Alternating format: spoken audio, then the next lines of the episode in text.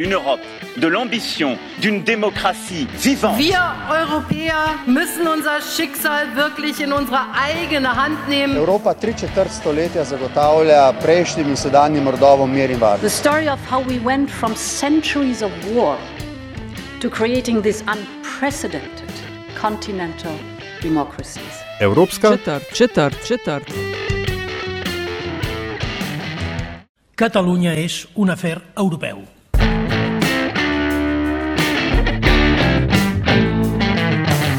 Spoštovani in cenjeni, dobrodošli v podkastu Evropska četrt, podcast o vsem, kar vas bo zanimalo o Evropski uniji, pa niste vedeli, koga vprašati. Evropsko četrt pa vodi vam Nataša Briški in Aljaš Pengov Bitenc. Podcast domuje na spletni postaji metinalista.si, v vašem nabiralniku pa sveža epizoda takoj, ko je na voljo. In težko vprašanje, ali jaš takoj na začetku: Barcelona ali Real? Atletiko. Imeniten odgovor. Vprašala sem pa zaradi tega, ne sveda, ker sva rekla, da želiva v eni od uh, epizod obdelati tudi to katalonsko vprašanje. Ne? Uh, zdaj, želja po odcepitvi od Španije ima v Kataloniji dolgo brado, tam nekje. Um, pa morda naj jo uh, tokratni gost popravi. Od sredine 19. stoletja vrsta referendumov, na zadnjem oktobra 2017, ko jih je 92 odstotkov glasovalo za neodvisnost. Zdaj Madrid referenduma ni priznal, označil ga je za neustavnega. Katalonski parlament je istega meseca razglasil neodvisnost, sledili so protesti, liderje. Tega gibanja so nekatere areterali, nekateri so se razbežali ne? in ugotavljala bova, kje smo od takrat dalje. Ne? In seveda, Nataša bo ugotavljala tudi, ne, oziroma poskušala ugotoviti, zakaj je katalonsko vprašanje v narekovajih tako edinstveno in ali je res edinstveno, in tudi v končni fazi, kako to, da mnogi v Sloveniji vlečejo usporednice med slovensko osamosvojitvijo in katalonskimi prizadevanji za neodvisnost. In o tem se bomo pogovarjali z zgodovinarjem, urednikom revije Razpotja in kolumnistom časnika Delo Luko Lisekom Gabrielžičem. Zdravo. Živijo. Živijo. Luka, kaj počneš te dni? Kaj počnem te dni? Uh, poskušam uživati v pomladnem soncu, ki je končno prikukalo malo ven. Uh, upoštevajoč seveda vse protikoronske ukrepe, če nas slučajno poslušajo veliki brat, ne to moramo podariti. Uh, če ne pa se jaz uh, ukvarjam uh, predvsem z um, raziskovanjem, zgodovinarskim, zraven moče v slovenski javnosti sem bolj znan uh, tudi kot uh, pisec kolumen um, v delo, uh, kot urednik tudi revije Razpotja. Uh, jaz se profesionalno ukvarjam v glavnem z intelektualno zgodovino. Uh, Predvsej let sem delal na enem raziskovalnem projektu, eh, ki se je zaključil pred dvema, tremi leti in sicer z um, publikacijo, eh, v katerem smo um, izdali en, en analitični pregled eh, zgodovine politične misli v srednji in vzhodnji Evropi, eh, pravzaprav od 19. stoletja do danes. V, v tem drugem zvezku sem tudi jaz soavtor. To se imenuje History of Modern Political Thought in East Central Europe. Uh, išlo je pri Oxford University Press 2018. In mislim, da je to en tak, uh, bi rekel, dober pripomoček tudi za današnje čase, ko nekako smo Slovenci znova ugotovili, da smo pravzaprav del postkomunističnega sveta, da delimo z njim uh, njegove probleme in zagate. In to je verjetno, uh, bi bilo za marsikoga koristno, da bi se tudi o teh stvareh uh, um, bolj, bi rekel, uh, pozanimali. In to so, to so neki priročniki, ki mislim, da so zelo koristni.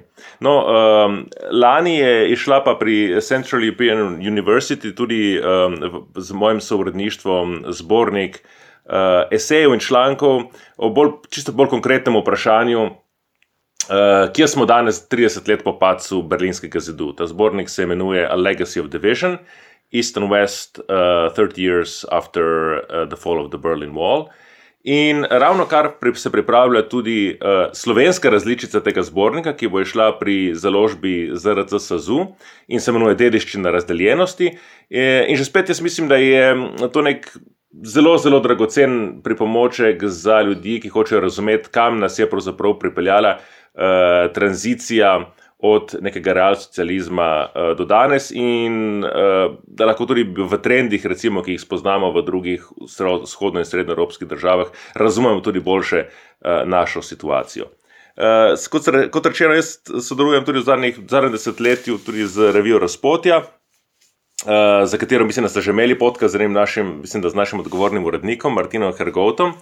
No, uh, ravno zdaj, v tik po veliki noči, bo prišla v distribucijo um, tudi zbornik intervjujev, ki smo naredili v razpotih, v, ki smo jih naredili v razpotih v zadnjih desetih letih, ki se imenuje Glasno desetletje. No, in tam je noter, se lahko bere celo vrsto zanimivih javnih intelektualcev, uh, od Timoteja Snyderja, uh, Garija Kasparova, Čakra Barti in tako dalje. No, in to omenjam, zato ker je tudi povezano z našo današnjo temo. Namreč tukaj, tam v tem zborniku Glasno desetletje, je tudi precej ljudi, ki so nekako povezani s katalonskimi vprašanji. Iz srednje in vzhodne Evrope, posledice pomladi narodov konca 80-ih, začetka 90-ih, odmevi iz 19. stoletja s tem istim imenom kako pridemo do Katalonije? Ja, sej, uh, jaz mislim, da je to nekako neka naravna povezanost. Jaz sem, uh, jaz sem se začel za to zanimati uh, iz dveh razlogov. Prvi razlog je, da iz moje ljubezni do španskega jezika. To mogoče se sliši paradoksalno, ampak jaz sem že takoj od. Začetka faksa se začel učiti španščino, in sem potem prek tega spoznal Španijo. In, uh, in pač med, med svojimi obiski in tako dalje sem seveda prišel tudi v Barcelono in malo sem poslušal, malo sem brskal po tam knjigarnah, se pogovarjal z ljudmi sem dejansko gotovo, da je to v bistvu zelo enostaven jezik. Za nekoga, ki znaš italijansko, ki zna brati francosko, zna špansko, ne bi, ne bi smelo vzeti dosti časa, da se nauči še katalonščino. In sem se tega lotil, no in za razliko od mnogih drugih takih. Eh, horuk uh, projektov in, in eksotičnih, uh, eksotičnih jezikov sem se tega dejansko tudi res uh, naučil zelo kmalo. In je, to, je pa, to je pa ravno sovpadlo z nekim trenutkom v španski sodobni zgodovini, tam tik po koncu druge snareve vlade, ko je prišel Zapatero na oblast, ko je bil nek uh, trenutek velikega reformnega gibanja v Španiji. No, in to reformno gibanje, ki je bilo zelo ambiciozno, je bilo povezano tudi z poskusi federalizacije Španije. In, no, in jaz sem ravno takrat začel se poleg španščine učiti tudi katalonščino in sem zato v bistvu ta proces, ki je pripeljal zdaj do sedanje, uh, do sedanje krize, pač spremljal tako rekoč od samega začetka. Jaz vedno rečem, da to, uh, da to serijo sem, sem spremljal že uh, od, prve, od prve sezone dalje. Ne? Pač zdaj, nekatere sezone so bolj živahne, ne? tisto 2017 je bila, ki se je omenil, je bila res zelo živahna, druge so malo bolj dolgočasne, kot v zadnjih dveh letih.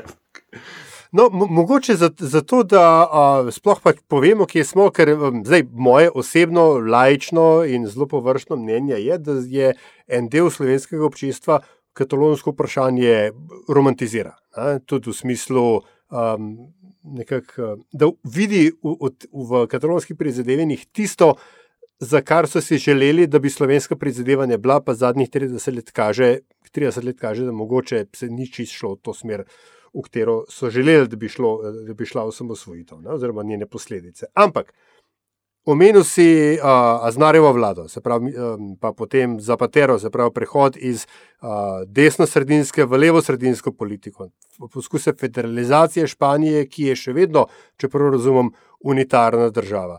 Kdo so glavni akteri danes, leta 2021? V medtem osamosvojitvenim gibanjem, ki se je začelo od leta 2012 dalje, eh, je prišlo do neke globoke transformacije tako španske kot katalonske družbe. Ne. V zadnjih od leta 2014 dalje se je politična situacija drastično spremenila. Um, Meni, meni se malo smilijo vsi tisti sociologi, oziroma ne sociologi, bolj politologi, eh, ki so verjetno ravno kar začeli delati svoj doktorat na vprašanju o, o, o španskem excepcionalizmu, ne, ne vem, kako se reče po, po španski posebnosti, če je Španija edina, eh, ena izmed redkih držav v Evropski uniji, ki nima skrajne desnice. No, vmes se jim je, so, so, so mogli kar, kar en uh, znaten dodaten. Uh, uh, dodaten zaključek napisati k temu, ker se je ta, se je ta posebnost nehala v tem času. Ne? Se pravi, španska politika se je globoko spremenila in uh, ta osamosvojitveni proces je tudi radikalno spremenil katalonsko politiko. Uh, politična uh, strankarska scena, ki je bila 30 let tako rekoč enaka, ne, uh, je zdaj popolnoma drugačna ne, in je še vedno v, v, v transformaciji. Se pravi, bomo rekli, da v zadnjih sezonah so, uh, vidimo celo vrsto novih akterjev, ki prihajajo za vsako sezono. Ne. Uh, ampak, uh, ja, oprosti, ne tače, ker izvoli. Ne, ne, ne. Sem, uh, to sem v bistvu hodila samo mogoče en korak nazaj. Uh, uvodoma sem omenila, da na zadnje, ali pa recimo za večino tistih, ki tega ne spremljajo na dnevni ravni, tako kot ti, ne, uh, se spomnim mogoče 2017 referenduma, pa potem razbežanja teh liderjev. Kje smo pravzaprav mi od takrat, od tistega referenduma, kje stvari stojijo? Ja, zgodovina je. Um, zelo pogosto ni, ni, le, ni linearno dogajanje. Zadnje, zato ker tudi človeško življenje ni linearno dogajanje. Ne. Vsi vemo, kako smo bili otroci. Uh, vsako leto se nam je zdelo grozno dolgo. Ne. Zdelo se nam je, da je, da, uh, ko, si, ko, si, ko si star šest let, se ti zdi, da je eno poletje dolgo celo življenje, ne. potem pa mine zelo na hitro. In to je zato, ker smo biološka bitja, ne? ker ko imamo sedem let, je en mesec mnogo večji odstotek našega življenja, kot pa ko smo stari 90 ali pa 106 let, kot Boris Pahor. Ne? In zato, ker smo, ker, smo, ker smo v bistvu biološka bitja, tudi naše dojemanje časa je, je zelo drugačno. In obstajajo neki trenutki velike pospešitve časa, ko se zdi, da se vse dogaja zelo na hitro, ko se zgodi ko, ko se eh, zelo veliko stvari zgodi naenkrat. In take eh, pospešitve časa, ponovadi imenujemo revolucije, ne, tudi v, v, v naši tradiciji. In jaz mislim, da je tisti dogodke 2017 dejansko so imeli neko. Eh, bolj kot razmišljam, bolj se mi zdi, da so imeli neko revolucionarno dinamiko. Tudi v smislu, da eh, te politični voditelji katalonski, ki so uh, hoteli nekaj, ne, ki so hoteli v bistvu um, nek statement pokazati, ne pač zgolj pokazati to, kako bo. Um, Kako visoka podpora je neodvisnosti v, v uh, katalonskem ljudstvu, so sprožili nek proces, uh, ki je pripeljal do neke glo, zelo, zelo, zelo globoke ustavne krize v Španiji in v Kataloniji. Uh, sledila je potem ta uh, izjemno močna represija, ki ni zadela samo politične elite, ampak tudi cele to je manj znano, ne? ampak na, na stotine in tisoče ljudi se je znašlo pred sodišči zaradi razno raznih zadev, recimo prav v zadnjih mesecih. Eh, so se pred sodišči znašli tisti, ki so sodelovali v volilnih komisijah v, med tem referendumom. Ne. In uh, zdaj smo že štiri leta, pravzaprav, uh, medtem ko se je takrat 2017 zdelo, da bo čas drvi zelo hitro naprej, uh, se je zdaj v bistvu v zadnjih štirih letih nekaj dosti bistvenega spremenilo. Ne. Še vedno smo v tej uh, postrepresivni dobi. Uh, kjer se zdi, da se v bistvu kriza nekako stagnira, ne? da vse tisti problemi, ki so pripeljali do tega, še vedno ostajajo. Uh, in se jim v bistvu pridružijo uh, pač z vsakim tednom, z vsakim mesecem uh, še novi. No. Tako da zdaj je, je res neko tako zelo, zelo težavno obdobje, ki se mu zdaj, seveda, kot po celem svetu pridružila še ta kriza glede, glede korona, Veliko, ki je ki prizadela Španijo in Katalonijo zelo globoko. Ja, ja, se pravi, neka hibernacija. Okay, ja. Tudi spet za tiste, ki mogoče to ne spremljajo tako intenzivno eh, eh, in slišijo različna poročila, odvisno z kere strani se plasirajo. Ampak kaj je kataloncem, katalonkom tako zelo hudega, ali pa zakaj hočejo iti ven iz Španije, zakaj hočejo biti svoja država. Tako čist, easy, preprosto vprašanje, pa ne vem, če ima preprosto odgovor. No? Ja, jaz mislim, da se je prav zdaj v tej korona krizi videlo zelo, zelo jasno. Pač, um, Katalonija nima nadzora nad svojimi politikami. Um, je sicer Španija decentralizirana država v smislu, da se izvajanje socialnih politik, nadzor nad bolnicami, nad policijo, nad celimi, bi rekel, sistemi socialnimi in, in tako dalje. Uh, sicer pod regije imajo nadzor nad, nad temi podsistemi, eh, ne morejo pa svojih politik dejansko izvajati. Ne. In to velja za različne regije različno. Baskija ima poseben status v ustavi in predvsem lahko ima nadzor nad svojimi financami, in eh, na tej podlagi pač lahko, lahko, iz, lahko izvaja svoje, svoje politike, ima neko zaščiteno avtonomijo. Eh, medtem Katalonija pa, pa je podvržena neprestani bomo rekli, uh, arbitrarnemu posegu uh, iz vrha, o ničemer se dejansko ne more odločiti. Mislim, da se je to videlo tudi zdaj v zadnjih mesecih zelo dobro, uh, ko, so, ko je, so pač španska sodišča odstavile, odstavile katalonskega predsednika zaradi popolne banalnosti, zato ker je na balkon vladne palače uh, dal en transparent, v katerem je pisalo svoboda, je pisalo svoboda političnim zapornikom. Zaradi tega so ga odstavili z položaja in v bistvu prisilili k razpisu lokalnih volitev. Se pravi, se vidi, da v bistvu nad, nad katerim koli odločitvijo lokalne oblasti pač eh, je vedno, vedno bdi Madrid. Ne? Se pravi, je, je, je ta avtonomija popolnoma izvotljena.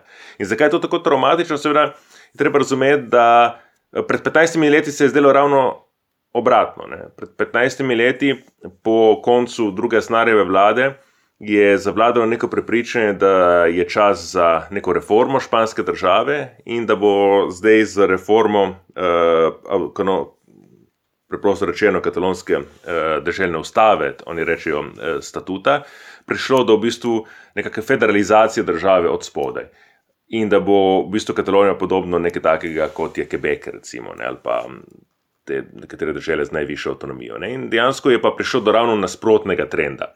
Uh, avtonomija se danes, se je danes mnogo manjša, kot je bila recimo pred 15 leti, in nekega, uh, neke sfere, kjer bi lahko avtonomno odločili, ni. Ne. In to se seveda, kar mi mogoče še najbolje razumemo, to se potem tudi zelo jasno pozna, recimo pri vprašanju jezikovnih politik. Ne. Uh, danes, recimo, to se je videlo v, dve, v tem procesu proti katalonskim politikom. Priče niso mogle govoriti katalonsko. Ne. Se pravi, prišel ta paradoks, da tuje priče Ivo Vajgel, ne, recimo, je, je lahko v slovenščini pričal pred španskim sodiščem, medtem ko katalonske priče niso smele v katalonščini. Ne. To je zgolj en tak simptom, ampak uh, takih je zelo veliko.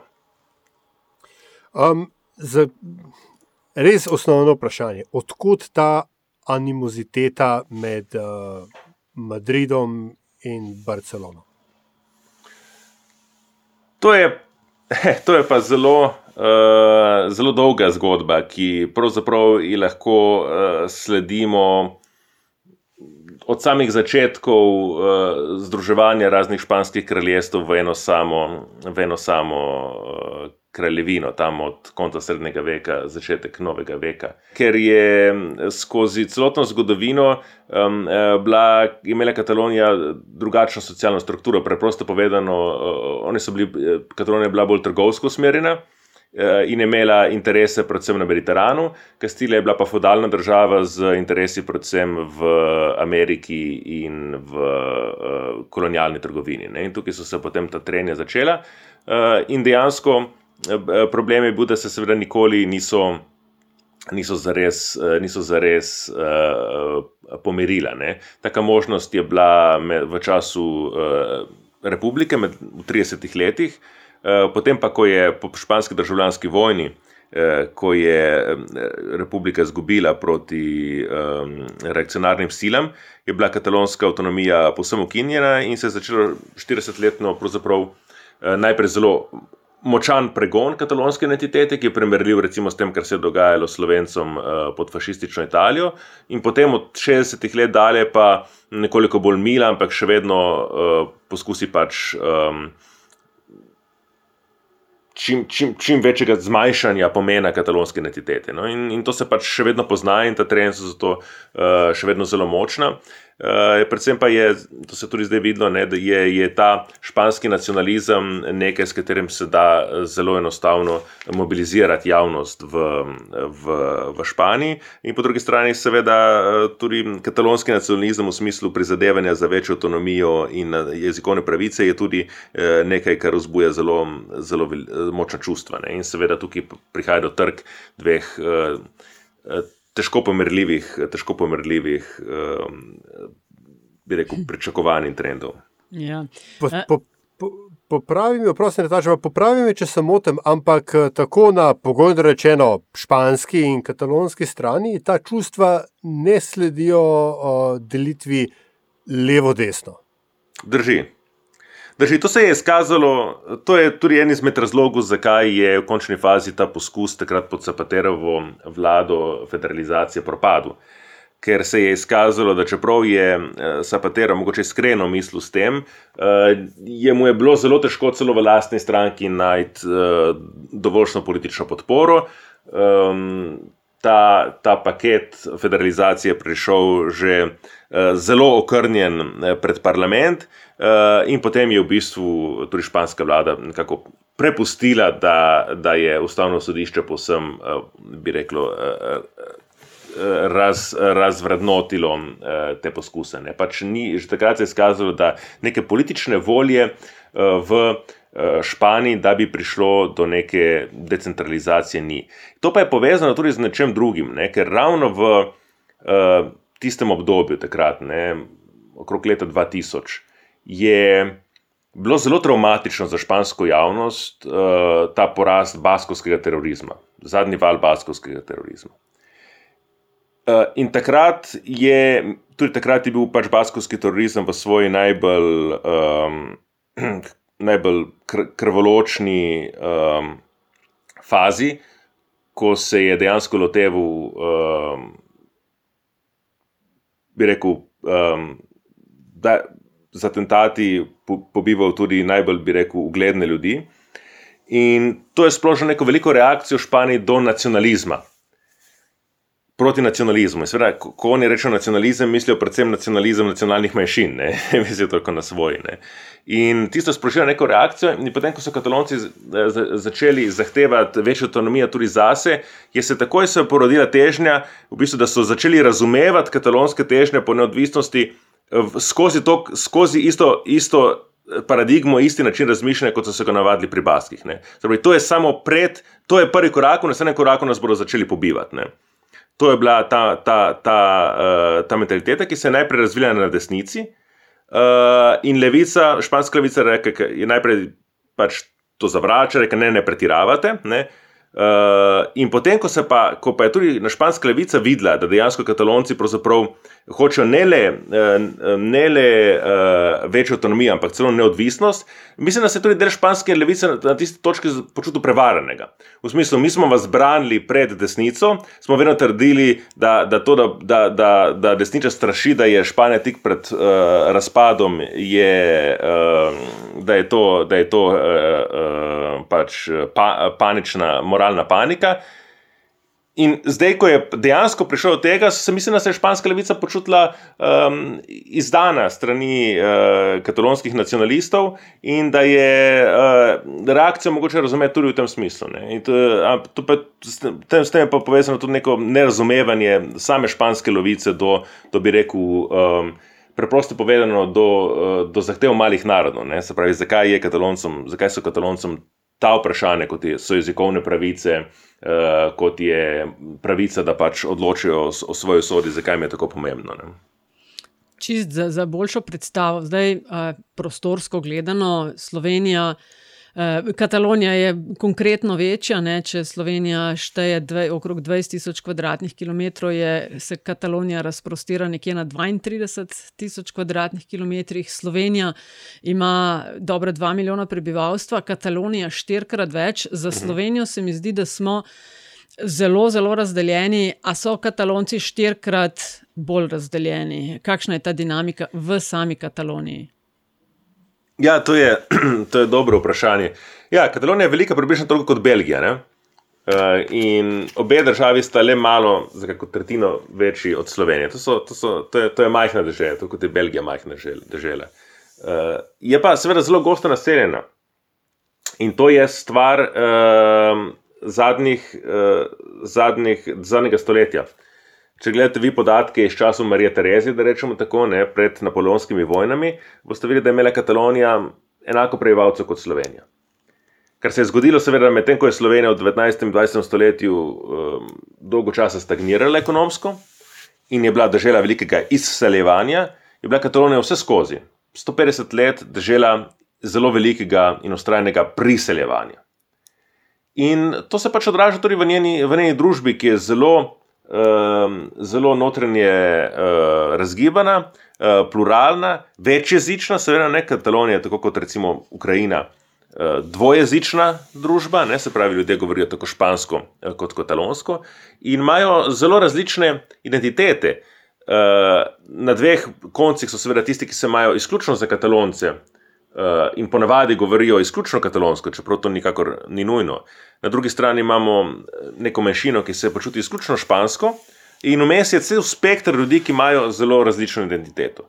In na teh različnih identitetah, seveda, se potem vežejo tudi različne predstave o prihodnosti, um, ki so včasih zelo paradoksalne. Recimo Josep Borel, nekaj, ki ga vsi poznamo kot briljantnega, znanega ministra Evropske unije, uh, on izhaja iz katalonsko govoreče družine. Povsem katalonsko uh, govoreče kmečke družine, uh, vendar se ima za španca. On, njegova primarna identiteta je španski, no on je v bistvu španski nacionalist. Uh, Uh, in to, to ni tako nenavadno. In imamo tudi potem obratne primere. Ne? Imamo dosti primerov ljudi, ki so rojeni v čisto špansko govorečih družinah. Uh, tak primer je recimo en izmed najbolj znanih poslancev republikanske levice v Kataloniji, ki se imajo izrazito za katalonce in ki se zauzemajo za katalonsko neodvisnost. To, mogoče nam je slovencem, to je ta vidik, ki je nam slovencem težko razumeti. Uh, recimo, če pa gledamo to skozi perspektivo, že spet, ne, kar, kar, se, kar je značilno recimo za Ukrajino in te države, ne, je to nekaj posebno običajnega. Ne, se pravi, da dosti krat te jezikovne prakse, ne jezikovne identitete in temu, če bomo mi razumeli kot narodnostne ali etnične identitete, ne posebno sopadajo z, um, z, bi rekel, političnimi identitetami.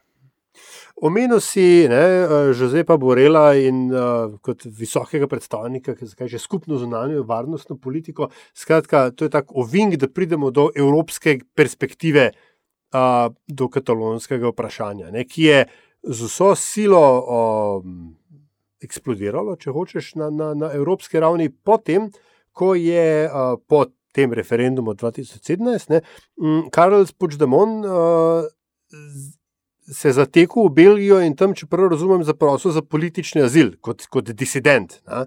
Nekaj, česa smo bili vajeni, ne vem. V Koreji ali pa iz Rusije zadnje čase, pa kakorkoli. Skratka, eh, in se je bila Evropa, ki je ustrajna in še vedno eh, Evropska unija, ne, ustraja, da je katalonsko vprašanje španska notranja zadeva, uradno, se je vendarle a, a, prisiljena s tem vprašanjem ukvarjati ali pa posamezne države članice. A, a to, um, komu to koristi, če sploh komu? Uh, ja, tukaj moram popraviti. On ni zaprosil za azil. On je, on je preprosto šel v Bruselj in uh, to, to, to se je izkazalo, da je bila uh, tudi sodna taktika. Način, kako um, internacionalizirati katalonsko vprašanje. Namreč Španija, španska sodišča so potem, oziroma špansko tožilstvo je potem poslalo uh, zahtevo po vročitvi. In ta zahteva po vročitvi, ki je ponavadi čisto, čisto uh, bi rekel, formal, čista formalnost ne, in se v velikanski večini primerov brez posebnih uh, zadržkov pač uh, omogoči, uh, so tukaj uh, uh, Belgije sodišča zavrnjena. In potem, kot vemo, so zavrnila tudi nemška sodišča, ne, ko so, so Puigdemona takrat priprli uh, v Nemčiji. Uh, tej, bi rekel, člani nekdanje katalonske odstavljene katalonske vlade so po celi Evropi. Uh, minist, nekdanja ministra, odstavljena ministrica za, za šo, visoko šolstvo je pr profesorica na univerzi, mislim, v St. Andrews na škotskem. Se pravi, te zahteve po poročitvi so šle tudi na škotsko sodni sistem, škotski sodni sistem je tudi zavrnil. In zdaj, prosim, švicarski sodni sistem je tudi uh, zavrnil. In tako imamo zdaj celo vrsto evropskih držav, ki so dali košarico španskim sodiščem in to ne enkrat, ampak znova, znova in znova. In najbolj zadnji, eklatantni ta primer je bil uh, poskus uročitve uh, nekdanjega ministra Ljuza Puča, uh, kjer so ga belgijsko sodišče znova zavrnilo, tokrat pa za zelo, bi rekel, tako utemeljitvijo, eh, da reč, da obstaja zelo utemeljen sum, da uh, odstavljeni minister Puč v, v Španiji ne bi bil deležen pravičnega sojenja. In to je res nek, bi rekel, udarec v gledu španskega sodišča. Uh, in to že je, to bi rekel, to že je del evropskega sodnega sistema. Se pravi, te razsodbe uh, um, evropskih raznoraznih sodišč, od Nemčije prek Švice do, do, uh, do Škotske, ki so zelo jasno povedali, prvič, da to, kar se jih obtožuje v Španiji, ni zločin v. Eh, ostalih evropskih državah in zato, zato jih ne morejo izločiti. In drugič, da obstaja zelo velik sum, da gre v bistvu za politični proces, da se pravi, da nimajo da um, obsojenci ne bodo imeli potrebnih, uh, potrebnih um, bi rekel, uh, varnostnih garancij, to je zdaj že črno na belem. Ne? To je črno na belem, Evropska sodišča so to rekla, torej mi imamo. Evropska sodišča so rekla, de facto, ne, če gledamo to, da so, da so ta uh, zločini, za katere so oni uh, preganjeni in obsojeni v Španiji, izrazito politični zločini. Evropska sodišča so de facto povedali, da imamo v Evropski uniji politične zapornike. To pa je neko dejstvo, s katerim se evropska politika uh, ne želi soočiti in tudi zaenkrat misli, da se tudi ni treba soočiti. A je takšen odnos zato, ker so spremembe meja občutljivo vprašanje za EU? Na Balkanu vemo, da se ni dobro končalo, ne? imamo tukaj Kosovo, Srbija, slash Velika Albanija, imamo Korziko, Francijo, imamo Škote. Ja, absolutno. E, to je neko vprašanje, v katerega Evropska unija ne želi drezati. E, in tudi ne more drezati, zato ker je to je zdaj nek tak lep tragični paradoks. Ne? Ker Evropska unija je, in to se zelo lepo vidi, kako nimajo prav te, eh, bi rekel, desničarski populisti, ki obtožujejo Evropsko unijo, da je neke vrste globalistični agenti, ne vem kaj. Evropska unija je združba, ki temelji na nacionalnih državah, ki temelji na državah članice. Da preprosto povedano, če si ti država članica, če si ti članica Evropske unije, imaš popolne pravice. V bistvu zelo, zelo redko, kdaj bo, kdo, bo kdorkoli posegel v karkoli storiš. To se je zdaj videlo glede, glede Španije, ampak to se dejansko vidi se tudi glede Polske in Mačarske, da se govori eh, karkoli hoče. Je, je, je, je, to je klub držav in še bolj precizno povedano, to je klub vlad teh držav. Ne?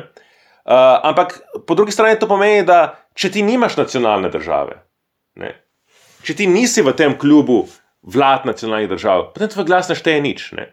In se pravi, to je ta paradoks, da reakcija Evropske unije je samo potrdila kataloncem, da potrebujejo lastno nacionalno državo. Ker brez nje niso enakopravni državljani v Evropski uniji. Ne? To je sporočilo Evropske unije svoje reakcije. In hkrati je s to reakcijo pokazala, da, da je to izjemno težko, če ne nemogoče. Ne? In to je zdaj ta. ta uh, tragedija, ne, rekel v, v jedru katalonskega vprašanja. A, kako pa recimo, um, se pravi, politična taktika, ne, oziroma taktika nasplošno, Puigdemona in, in osem, kaj to, a se mi reče, osamosvojitelji? Ja, lahko, ja. A, Recimo, po nesreči ne so osvojili. No, e, tako, no, oni so seveda v zadnjih evropskih volitvah kandidirali uh, in bili izvoljeni tudi v Evropski parlament. Potem je bil cel halo v zvezi s potrditvijo mandatov, ker, ne, mogoče moram spet popraviti, če se prav spomnim, imajo Španci tako narejeno, da mora pač španski parlament potrditi mandate, ki grejo pač v Bruselj in pa je bil že iz tega naslova cel halo. No, zdaj so pa kaj, kakšen teden, dva nazaj je pa Evropski parlament sklepal in sklenil, da se uh, Puigdemonu in dvema drugima um, katalonskima politikoma oduzame uh, kaj, imuniteta. Status, imuniteto. Ja. Um, a je to zdaj še zmanjšan evropski, zelo manevrski prostor, ki ga ima katalonsko osamosvojitveno gibanje na evropski ravni, ima to kakšne kakršne koli posledice? Ja, in ne. Ker eh, praktično to ne, posledic ne bo imelo. Ne? Ker zdaj to pomeni, da je uh, Puigdemont v enaki poziciji, kot je bil takrat, ko so, ko so sodišča že razsojali o njegovem vprašanju, v enaki poziciji, kot je njegov bivši minister Puč. Kjer so belgijska sodišča že razsodila, da ga ne bodo izročile Španiji, zato ker obstaja visoka verjetnost, da ne bo imel poštenega sojenja. In se pravi, um, ko bo zdaj Španija dala ponovno prošnjo za izročitev Puigdemona, bo Puigdemon šel pred, pred belgijsko sodišče in tam bo vsem precedensom, ki jih je lahko prej navedel, navedel še te nove precedence. Zdaj, on ne bo izročen. Ne? To je zelo jasno, tukaj, ker, ker, ker je ta, ta, ta, ta, tak kup precedensov, da je staro preprosto, um, ni več možnosti, da bi njega uh, belgijska sodišča uh, odločila. Se pravi, to je. To je Uh, nič se ne bo spremenilo, on bo še vedno poslanec v Evropskem parlamentu, to je nedvomno. Uh, je pa Evropski parlament izgubil dragoceno priložnost, da njegov, njegov glas ne ima nobenih praktičnih posledic. Isto bi bilo, ampak bi vsaj dal signal, da this is not cool, ne? bi, bi dal signal, da tukaj mi ve, smo videli, imamo razsodbe sodišča evropskih, je ena plus ena, tukaj gre za sodni pregon. Do te mere, da je celo stranka Podemos, Unidas Podemos, ki je vladna stranka, ki je partnerica, vladna partnerica v, v španski vladi, je glasovala proti oduzemu uh, imunitete, na tanko iz tega naslova. Če je to politično vprašanje, ki se ne sme in ne more reševati prek sodišč. Pravi, celo sama, znotraj same španske vlade obstajajo ljudje, kot je podpredsednik te, nekdani podpredsednik te vlade, ki trdijo, da gre v bistvu za politični proces, in kljub temu eh, se je uh, uh, Evropski parlament odločil, da bo sedel v tej svoji, bi rekel, formalni praksi, ki je ta, da če pride, če, če se zahteva dvig imunitete za katero koli kaznivo dejanje, ki je bilo storjeno pred nastopom, eh, pred nastopom eh, mandata, potem oni vedno, bi rekel, bi rekel dvignejo, se pravi, oduzamejo imuniteto. Ne? In tako so se odločili. Je pa, je pa res, da, da ponavadi take glasovanja so recimo 90 odstotkov za, 80 odstotkov za. Ne? Tukaj je bilo 55, 45 ali, ali 60, 40. No. Se pravi, uh, je, zelo dosti, je zelo veliko evropskih poslancev vendarle glasovalo proti odzemu imunitete. In, in zelo zanimiva koalicija se je ustvarila, tisti, ki so, izglas, ki so um, izglasovali odzem. To so špa, um, evropske des, desne stranke, tako Evropska ljudska stranka, kot, kot uh, večina um, radikalne desnice. Uh, Macron, seveda, etatistični liberalizem v Franciji in potem uh, te najbolj etatistične socialistične stranke Juga Evropa. Španska, seveda, uh, italijanska, uh, romunska, grška in slovaška. Ne. To je ta, bi rekel, koalicija, ki je izglasovala, uh, izglasovala do zemlje imunitete Puigdemonu. Luka, proti koncu se bližamo, mogoče ima Nataša, verjamem, da ima že kakšno vprašanje, ampak jaz imam pa ne, še eno zadnje z moje strani. Um, prej si omenil, ne, da zgodovina ne poteka linearno, ampak da se včasih zgosti, ja. da se potem da se stvari dogajajo. Ali je po tvojem mnenju pri vprašanju, pri katalonskem vprašanju, obstaja možnost v nekem doglednem času um, zgostitve časa? Ja, jaz, uh, jaz imam zelo rad eh, en, en citat, ki mi ga je povedal en katalonski prijatelj. Čež da je uh, katalonska družba kot v teh uh, vesternih včasih, ne, ko imate uh, nek prizor, ko drvi diligenca po, uh, po, uh, um, tam, po, po prerijah, ne, in potem vidimo, da je napolnjena z uh, eksplozivom. Ne. In se pravi, da v vsakem trenutku lahko udari ob nek kamen in, in, in bo eksplodirala. In to se je dejansko izkazalo tik pred uh, epidemijo, ne, ko, so, uh, ko so na, kot reakcija na razsodbe španskih sodišč, uh, so se začeli veliki protesti, ki so se, uh, bi rekel, izrodili v, v izgrede. Uh, Veste, uh, Barcelona ima in Katalonija ima zelo krvavo zgodovino. Ne? To smo že malo pozabili, ne? ker je Barcelona tako simpatično, uh, kosmopolitsko in tako uh, mesto, polno turistov in, in tako dalje, in, in dolčevite. Ne? Ampak uh, še. Pred drugo svetovno vojno je Katalonija veljala za eno najbolj nasilnih mest v, v, reku, v Evropi, kjer ni, ni mislim, v, v zelo hudi konkurenci. Uh, Uh, pred prvo svetovno vojno so govorili, da so ta delas bombas, ne, se pravi mesto bomb. Uh, ima svojo anarhistično tradicijo, ima uh, tako kot. Skoraj tako kot Irska, zelo bi rekel, bogato tradicijo političnega nasilja in to vedno brbota. Ne? Se pravi, ta, ta pacifizem katalonskih uh, osamosvojiteljev ne, je, je na nek način izhaja iz te, iz te, iz te izkušnje. Ne? Se pravi, da se morajo biti oni izrazito Izrazito se morajo truditi, da, bi, da, bi, da bi ohranili ne nasilje, ker vejo, kako je, kako je, kakšna dragocena pridobitev je bila to. Tako za Katalonijo, kot Španijo, kot tako. Uh, ampak to je ravno zato, ker, ker uh, vedno neko nezadovoljstvo brbota in vprašanje, kdaj bo izbruhno. Ne? Zdaj, zelo nevarno je to, ne? zelo jasno se je pokazalo, kam vodi. Uh, V kaj je pripeljalo nenasilna strategija? Ne? do zaporov, do preganjanja, do popolnega brezbrižnosti Evropske unije. Uh, velik del osamosvojitvenega gibanja je dejansko obglavljeno, najboljši, najbolj inteligentni njeni strategi in voditelji so v zaporu, so v izgnanstvu. Um, mislim, je, je, je istočasno zdaj vidimo med, med uh, epidemijo pač izrasla. Oziroma, se je skalila neka generacija uh, mladih ljudi, ki so zelo prizadeti, visoka je brezposelnost, se pravi, potencijale, potencijali za neko, bi rekel, uh, nasilno, revolucionarno bi rekel, razvoj teh dogodkov, teh, teh sporov, gotovo so. Ne? Jih, ne, jih ne gre za podcenevati. Jaz mislim, da se bo zelo malo izkazalo, da. Um, kako bi rekel? Obstaja razlog, zakaj, uh, zakaj uh, očetje španske tranzicije so vedeli od samega začetka, od prvega trenutka dalje, da predpogoj tega, da bo Španija demokracija, je, da da avtonomijo kataloncem in baskom. Ne. In mislim, da se je, um, da se je, to, da se je to dejstvo malo pozabilo. Ne? Jaz bom pa dodala samo za konec, kaj lažemo vprašanje. Luka, na regionalnih volitvah februarja letos so uh, stranke, ki so za neodvisnost, povečale število parlamentarnih mest. A to pomeni, je to enako, ker smo zdaj veliko politikih, pa kaj delajo, pa kaj ne delajo, a je to enako tudi podpori neodvisnosti večji na terenu? Ljudje. A je danes več kot kar najem 2017? Um, ja, to je zelo veliko vprašanje. Um, fluktuira, seveda, podpora. Mislim, da je kvečemo obratno, da zdaj, kako bi rekel, na kratek in srednji rok je dosti ljudi ugotovilo, da to ne vodi nekamor in da se ni smiselno osredotočiti na to vprašanje. Problem je, seveda, da ravno zaradi tega, ker je bilo Kataloniji poleg vsega, še po letu 2017, oduzeto, bi rekel, um, z izrednim stanjem, oduzeto še nekaj dodatnih um, pristojnosti, dejansko ni.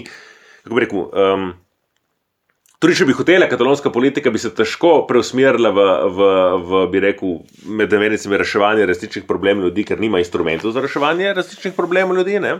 Se pravi, um, nima, nima kam se umakniti, bi rekel, tega svojega uh, prizadevanja v, v, za neodvisnost. Um, po drugi strani pa uh, tak, tako je. Ne, um, takrat, ko je porasla, takrat leta 2017, ne, ko, je, ko je bil ta referendum in, in represije in vse tako, da, vse tako dalje, ne, je ta izrazita.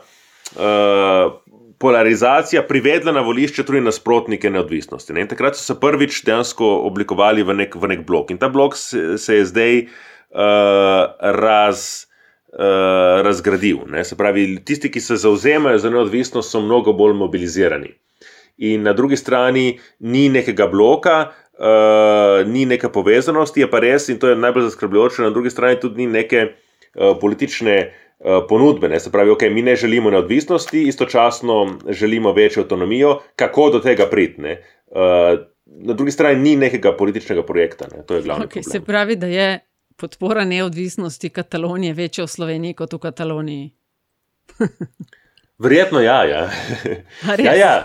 Ne, kar, se tiče, ne, kar se tega tiče, je katalonska družba tako rekli. Bo rekel, približno polovica ljudi se zauzema eh, za neodvisnost uh, tako ali drugače, ne, pot, eh, ne glede na pogoje. Potem imamo recimo eno petina ljudi, ki je uh, absolutno proti temu, in potem vmes je, bomo rekli, tretjina, upam, da nisem, nisem prišel do 110%, ne, uh, tam nekje, ne, pač bomo rekli, tretjina ljudi, ki sicer so proti neodvisnosti. Uh, bi pa si želeli nekega kompromisa, ki bi pripeljal uh, do večje, do večje, do večje avtonomije. Rekel, avtonomije in samoprave znotraj Španije. Uh, mm. Ki so posmerjeni nazaj, ki so posmerjeni v nek kompromis, ki je bil mogoč 50 let nazaj uh, in ki se danes zdi mnogo težji. Ne? To je problem. Ne? In nikakor se ne ve, kako, kako priti iz te točke. Uh, do točke, ko bi se dejansko dalo uh, to situacijo pač rešiti na nek sporozumen način. Ne. Ja, razumem. Ja. Postavimo piko in rečemo, zalažemo oba, uh, dr. Luka Lisija Gabrielčič, hvala za gostovanje v Evropski četrti. Hvala vam. To je bila Evropska četrt, 67. v podkastu Vesolju. Hvala za vašo pozornost, predlogi mnenja pa so kot vedno zelo dobrodošli. Hvala tudi za pohvale in kritike, ki jih delite z nama in Res hvala za investicije ki jih namenjate razvoju in produkciji naših vsebin. In še to, avtor glasbene podlage je peli iz podcasta Opravičujemo se za vse nevšečnosti. Če vam bi bila vsebina všeč, bo pomagalo, da nas najde še kdo, če naj jo ocenite pri vašem izbranem podkastu, ponudniku ali ponudnici. Sicer pa res hvala za vašo družbo in se spet slišimo k malu.